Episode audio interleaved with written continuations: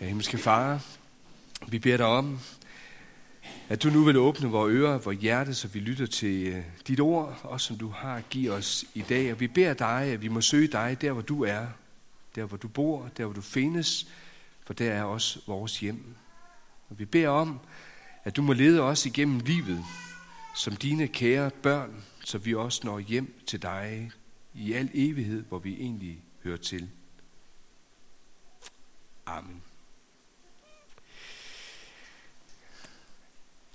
Dagens, dagens evangelium rummer måske det for øh, de fleste forældre, der kan være et af de største skrækscenarier, at barnet er blevet væk.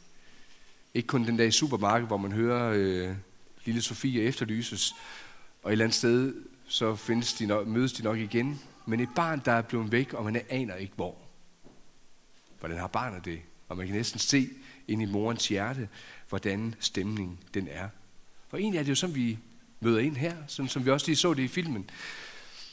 Efter nogle festdage i Jerusalem under påskefesten, er de på vej hjem, og stemningen har været højt, og man har snakket, og nu skal vi ned til, til hverdagen. Og pludselig går det op for dem, at Jesus han er ikke til stede. Jesus han er blevet væk. De kommer der fra festdagene, lytter til budskabet. Det hele har været godt. Glæden, venner, familie, alt hvad man nu har været sammen med, og nu begynder hverdagen så igen så småt, og de er helt sikkert allerede gået i gang med at tale om, hvad der nu skal ske, når de kommer tilbage til Nazareth og alt det, der venter. Sindet har været fyldt af så meget, men Jesus, han er blevet væk midt i det alt sammen. Der går lidt tid, inden de opdager det. Og først så går de i gang med at lede blandt familie, blandt venner, det var egentlig ikke så unaturligt, at han kunne have været med der. De går tilbage op til Jerusalem igen, ind i Jerusalems gader. Har han fundet nogen, han har leget med, gemt sig i et hjørne. Går op på tempelpladsen, hvor også en masse mennesker har været forsamlet, og der finder de ham. Hvad skal vi se egentlig i det her? Jeg tror, at vi skal se blandt andet det, at den her situation også kan være vores. Jesus kan blive væk i vores liv. Også selv hvor vi kommer fra festdage, hvor alt egentlig har handlet om ham i nogle uger. Og så er hverdagen så kommet. Et nyt år er begyndt, og vi kan miste blikket for, hvor han er at finde.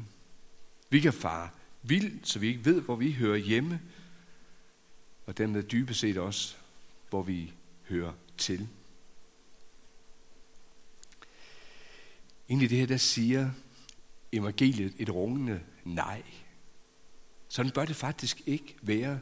Festens dage er nok slut, men festens indhold, det skal du tage dig med hjem. Det skulle helst ikke være sådan, at julen den bliver pakket væk, ligesom vi gør det med adventskransen, juletræet, julepynten, og hvad du ellers måtte have derhjemme, at det bliver gemt væk, pakket ned i en kasse, sat ind i et sted på loftet, og så er det godt gemt der til næste jul, en gang hen i oktober-november måned, inden vi begynder at trappe op til klimaks igen. Og så er vi der. Man skulle næsten sige det modsatte, at med julens dage, der er der virkelig pakket glæde ud, som nu må være der hver eneste dag, også i det nye år, der ligger foran dig. Fordi det er egentlig det Gud, han vil med det budskab, han også denne jul har ladet lyde for vores ører og ind i dit hjerte, det er, du har noget at glæde dig over hver eneste dag. Og Jesus må ikke være væk i dit liv, men det må være levende for dig, hvad du har i troen på ham, så du ved, hvor du hører hjemme som et Guds barn.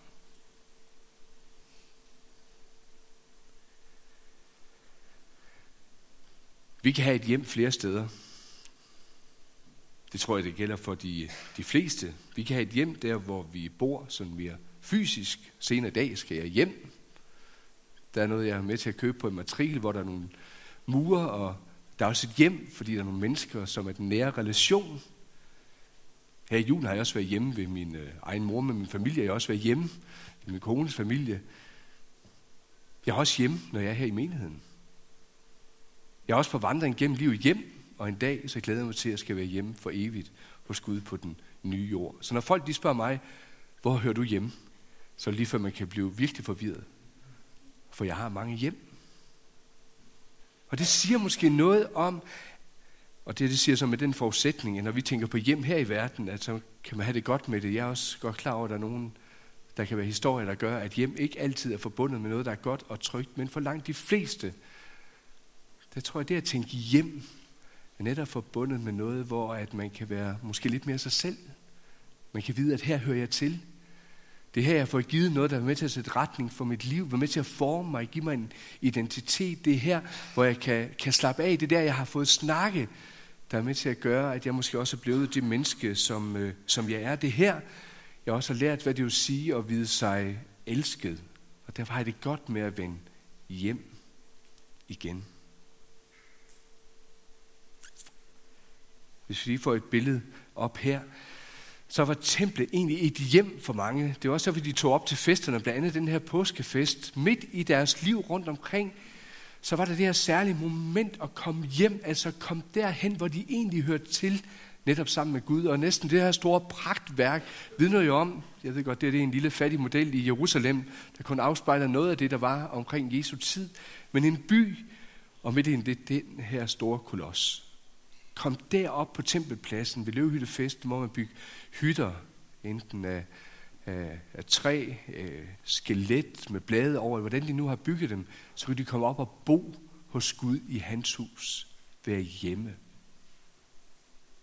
Og der er ikke noget at sige til salmisten, som vi hørte det om før, kunne, hvis vi også tager det næste billede, kunne nærmest have det sådan, det her med heller en dag i dine foregår, eller måske bare på trappen, måske bare på tærsklen, hvor langt man nu kunne komme, men bare det at være i nærheden af, hvor Gud, han inde i det allerhelligste, med sin herlighed havde taget bolig og vidste, det var der, man var og kunne vandre for Guds ansigt. Både komme og bringe sin synd og bekendelse for ham og leve der, men være der, hvor han var til stede, er til stede, være i mødet.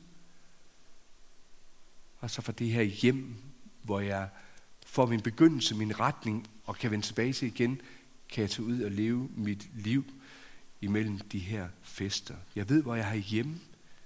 Jeg ved, hvor jeg hører til. Gud han har givet store løfter om igennem Gamle Testamente, hvad det betyder, at han er midt i blandt folket. At han har taget bolig midt i blandt dem. Hans nærvær i det her møde, ja, det kunne være læses et hav af skriftsteder op omkring. Og derfor var mennesker, Josef og Maria, som de har lært det, og, og glæde sig til at skulle op til Jerusalem, som Jesus er opvokset med at lære det, var det en særlig stemning, en særlig fylde at have indvendigt at være i det her møde. Der kunne siges meget om det i forhold til, hvor er vi hen i dag i Jesu nærvær. Men jeg tror ikke, det er nogen tilfældighed i vores dåbsritual, hvor vi netop kommer til at høre hjem hos Gud og bliver sat ind i relationen til ham. At der lyder løftet for Jesus. Og se, jeg er, altså ham, der taler med guddommelig autoritet. Jeg er med jer alle dage ind til verdens ende. Noget af alt det her, der blev givet af løfte om det nærvær i templet og stå i relation til Gud, blev givet med os, at sådan er Jesus tæt ved enhver af os. Som vi også sang det i salmen lige før, at hjertet må være det her tempel, at Gud han bor ved troen, eller Jesus bor ved troen i hjertet. Og høre hjemme hos ham er, at han er nærværende alle dage ind til verdens ende. Han kommer til os igennem dåben, igennem nadveren, igennem ordet, når jeg sidder selv derhjemme og læser i min Bibel.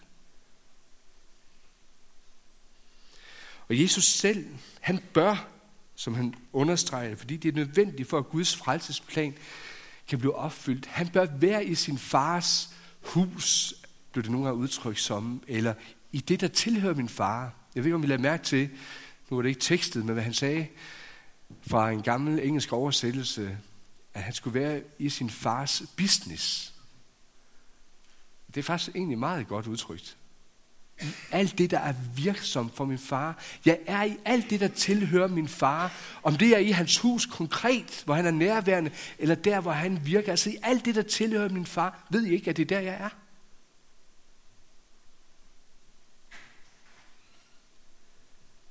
Nok så er han Josef og Marias lille dreng. Men han er Guds søn. Mary, did you know? Forundring over at høre det her budskab julenat og alt, hvad der skete ellers. Og så efter nogle år måske helt har glemt det, hvad hun har gemt af ord i hjertet, står hun nu her og møder Guds egen søn. Eller var Jesus stadigvæk bare hendes lille dreng? Det skal vi vende tilbage til lige om et øjeblik. Hvad der er vigtigt at lægge mærke til, og som den her video også slutter, det er, at Jesus han udviser en lydighed over for sin forældre, selvom han opleves væk. Jesus han er også lydig i møde med de, de lærte. Han sidder ikke og underviser som en anden stor rabbi. Han stiller nogle spørgsmål. Han svarer lige lidt, men sidder og tænker, jeg har oplært, eller jeg har hørt meget hjemmefra, og det stiller så spørgsmål om, ja, og så kan han måske også lidt mere end sit fader, hvor? Også som Guds søn. Og øh, det stiller han så også nogle spørgsmål om. Det her, som små børn nogle gange kan, helt forunderligt, stille nogle virkelig intelligente spørgsmål. Så selv alverdens kloge hoveder, de kommer til kort. Og så gang det op rimelig meget. Så det er der, Jesus han er.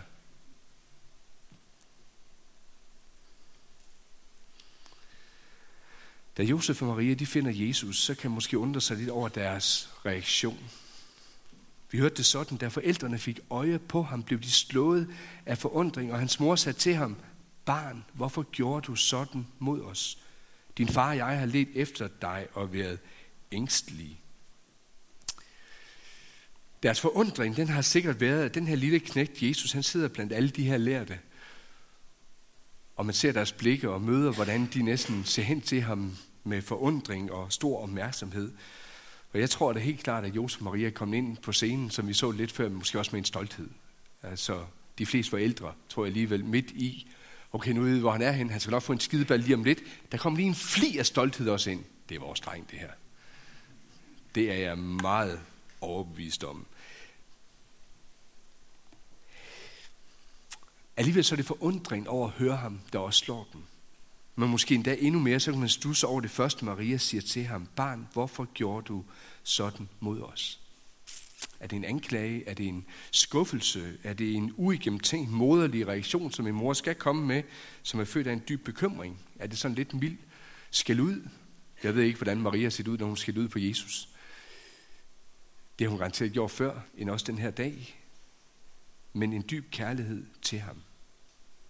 For i det hele taget ved vi jo egentlig ikke ret meget om de her år af Jesus. Født af Jomfru Maria, pint under Pontius Pilatus. Der blev ikke sagt ret meget mere i trosbekendelsen. Og i evangelierne så møder vi mest om Jesus, efter han træder frem som, som voksen. Vi hører lige den her dreng på 12 år, hvad jeg skal komme nærmere ind på, hvad, hvad, hvad det er, der er anledning til det, og hvad vi ellers lige hører om Jesus, men det er meget lidt.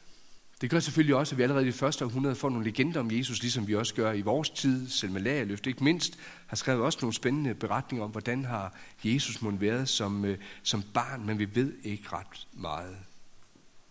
Og jeg tror, det er godt. For jeg tror, der er en god pointe i, at vi ikke får mere at vide, fordi vi netop skal lære at fastholde det helt væsentlige nedslag. At Gud blev menneske. Gud opfyldte sin løfter ved sin søn. Og det er egentlig det helt centrale, han har sagt, nogle åbenbaringspoler, som budskabet kredser om. At Gud blev menneske i inkarnationen, og så Jesu offentlige liv på vej mod sin korsdød og opstandelse. Derfor tror jeg ikke, det er tilfældigt, at det er sådan, det også lyder i trosbekendelsen. Selvom vi er i en tid, hvor mange andre gerne vil skrive nye trosbekendelser, og ikke mener, om det har betydning historisk eller ej, om det er fundet sted. Jeg tror ikke på, at helt den holder, sådan som Josef og Josefine beretning, har jeg nær sagt, øh, ligger an til. Meget fin julekalender, som handler mere om Jesus end om en tidsmaskine. Øh, I den beretning, som Josef og Josefine ligger an til, der bliver Jesus mere klog med tiden. Han ved jo egentlig ikke, hvem han er, men opdager det måske sådan lige lidt hen ad vejen. Det er ikke den Jesus, vi møder i Bibelen. Han er bevidst om, hvem han er. Det er han fra dag et af. Allerede da han ligger i stallen i Jerusalem, som nu et lille barn kan være det, og han vokser op som sand menneske, går frem i yndest for Gud og mennesker. Så det der er altså en hovedpointe, også i, i fødselsberetningen tidligere i Lukas 2, vores juleevangelium, det er, og nu sidste direkte af Jesus selv, Jesus er ikke først og fremmest Maria og Josefs søn. Han er Guds søn. Og det er forundret. Jeg prøver at tænke på, hvordan kunne man sætte sig ind i det her? Vi hører Maria ude i stallen, hyrderne, de vise mænd. Hun gemte det i hjertet. Vi hørte det her i kirken julesøndag, og på tempelpladsen det samme sted. Den gamle Simeon og profetinden Anna, den gamle kvinde, der kommer ud og stadfæster det. Det er det barn af Guds søn. Og Maria gemte disse ord i sit hjerte. Jeg har sådan et billede af Maria, de der første uger af Jesu liv, der gemmer hun rigtig mange ord i hjertet, hvor man tænker, hun kunne aldrig nogensinde komme, komme i tvivl om, hvem Jesus han var. Nu møder vi så her 12 år senere. Blev slået af forundring. Hvad i verden er det, han siger? Hvad er det, han laver? Vi hører så igen, at hun gemte de her ord i sit hjerte. Det her lille barn, som hun har trøstet, når de skreg om natten og var ked af det. Det her lille barn, som hun samlede op og satte på et plaster, eller hvad nu man havde, når han faldt og slog sig. Det her lille barn, der er på vej ind i teenagealderen.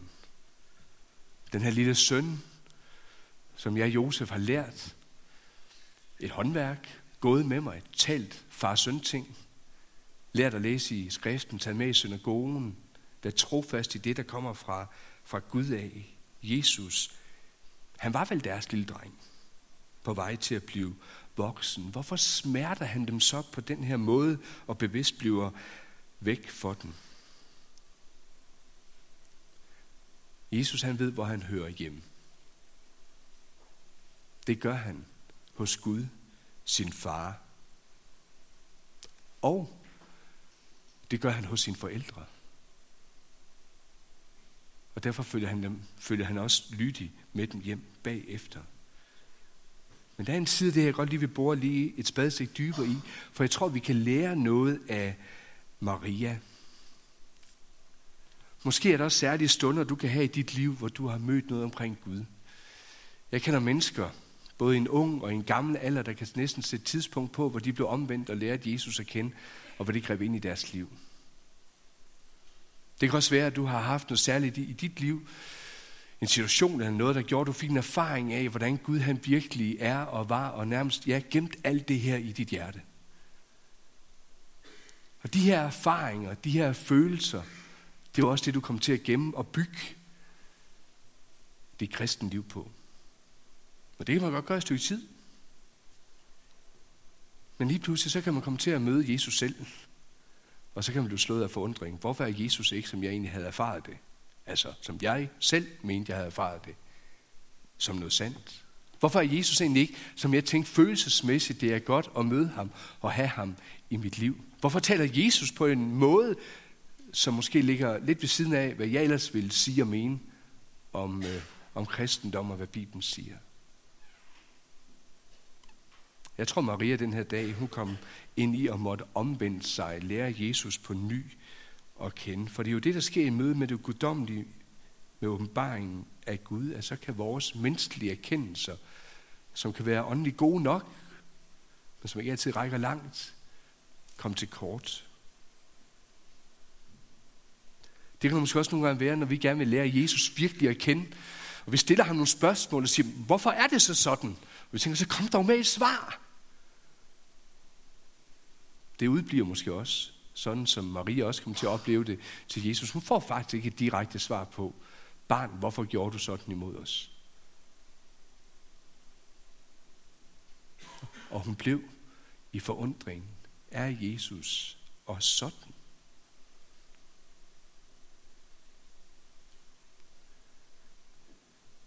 Jeg tror, det er sundt, når vi tør at lade os forundres over Jesus på ny. Som sagt, så afviste Jesus ikke sine forældre, da de fandt ham. Midt i alt, hvad der kunne synes, når vi ser det her bagefter, kunne virke dumt, ja, så nedgjorde han dem heller ikke. Han nedgjorde dem heller ikke, at de ikke forstod ham, men i kærlig lydighed fulgte han med dem hjem til det hverdagsliv, der ventede og levede blandt andet efter det fjerde bud. Det kendte Jesus også. Du skal ære din far og din mor. Og som gode forældre, så lærte de fortsat deres dreng om Gud og livet med ham.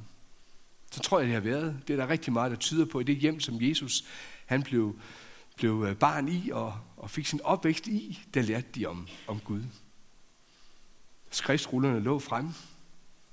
Det var trofast i synagogen om søndagen. Det var at tale med, med det at, at leve med Gud, blive åndeligt dannet, møde en kærlighed.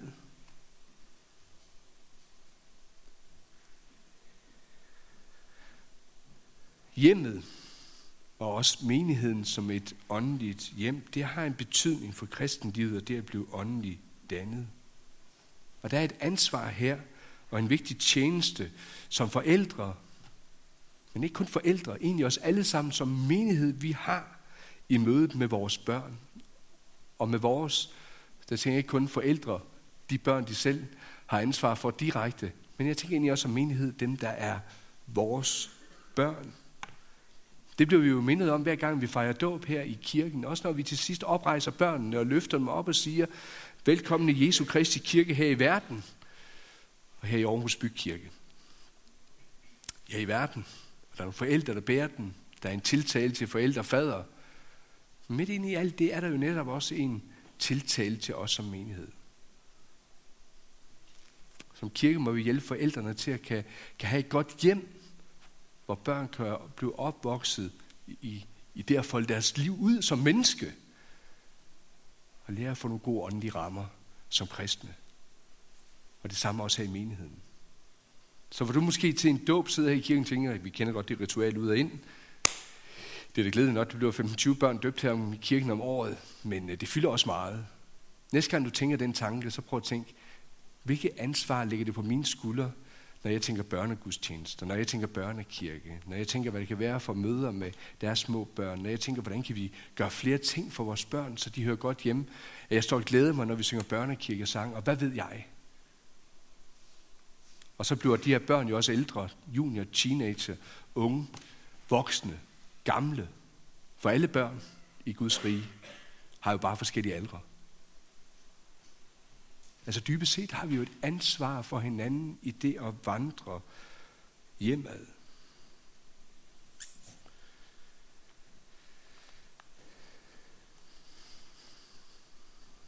I det her møde, der er Jesus vores far som du har faktisk også nævnt i en profeti, vi hører i, i julen. Som børn af Gud, med Jesus som far, ja, der er det hans opgave at tage børnene ved hånden, sine søskende ved hånden, som det samtidig er, og så vise dem faren, hans herlighed, vise det hjem, som de hører til, hvor de formes, dannes, sendes ud fra, har retning imod og til sidst hører hjemme i. For min egen del, ja, jeg er på vej gennem livet, fordi jeg er på vej hjem.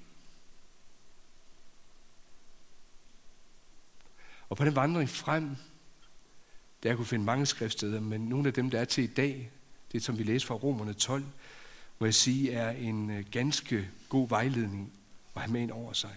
Når Paulus siger, så formaner jeg, altså ikke befaler, men opmuntrer, tilskynder til, at I brødre og søstre ved Guds barmhjertighed, ikke som et sæt lovregler eller krav, men prøv at tænke det indfra, at det er ved Guds barmhjertighed, jeg vælger mit liv sådan her. At jeg bringer mit læme som et levende heldigt offer, fordi jeg, jeg kommer hos Gud. Ikke fordi det skal være et skyldoffer eller zoneoffer, så at jeg med alt det, jeg gør, kan virkelig vide, at jeg elsker at høre hjemme hos Gud, men netop som et takoffer, fordi jeg ved, at jeg hører hjemme hos Gud, at jeg er elsket af ham, og Jesus har zonet det for mig, men som et takoffer kan være en livslig duft for Herren. Det skal være jeres åndelige gudstjeneste. Leve et liv, som er til tilbedelse af Gud og til hans ære. Og midt ind i alt det, så lurer fristelsen lige rundt om hjørnet, at det kan blive forplumret. Tilpas jer ikke den her verden. Men lad jer forvandle ved at sindes fornyes. Hold da op, Jesus, nu forundrer du mig igen. igen. Vi kan kalde det omvendelse. Vi kan kalde det at blive stanset op, finde ny retning. Vi kan kalde det at bekende min synd og leve i befriet liv, som også kaster ny retning, men retning hjemad. Ved at sindet fornyes til at få lighed med Gud, så jeg kan skønne, så jeg får visdom til at se, hvad der er Guds vilje, det gode, det som behager ham, det fuldkommende.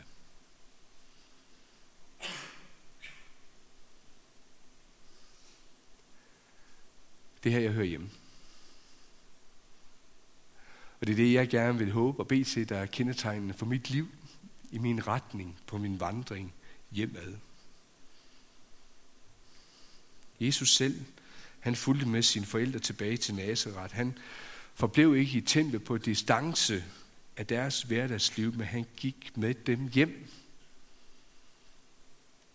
Sådan som han vil gå også efter julen, også efter en gudstjeneste, med hver af os hjem og være en del af vores hverdagsliv, der hvor vi er sat. Han ønsker ikke at være væk for os, men han ønsker at være en levende virkelighed for os hver eneste dag, mens vi endnu er på vej hjemad.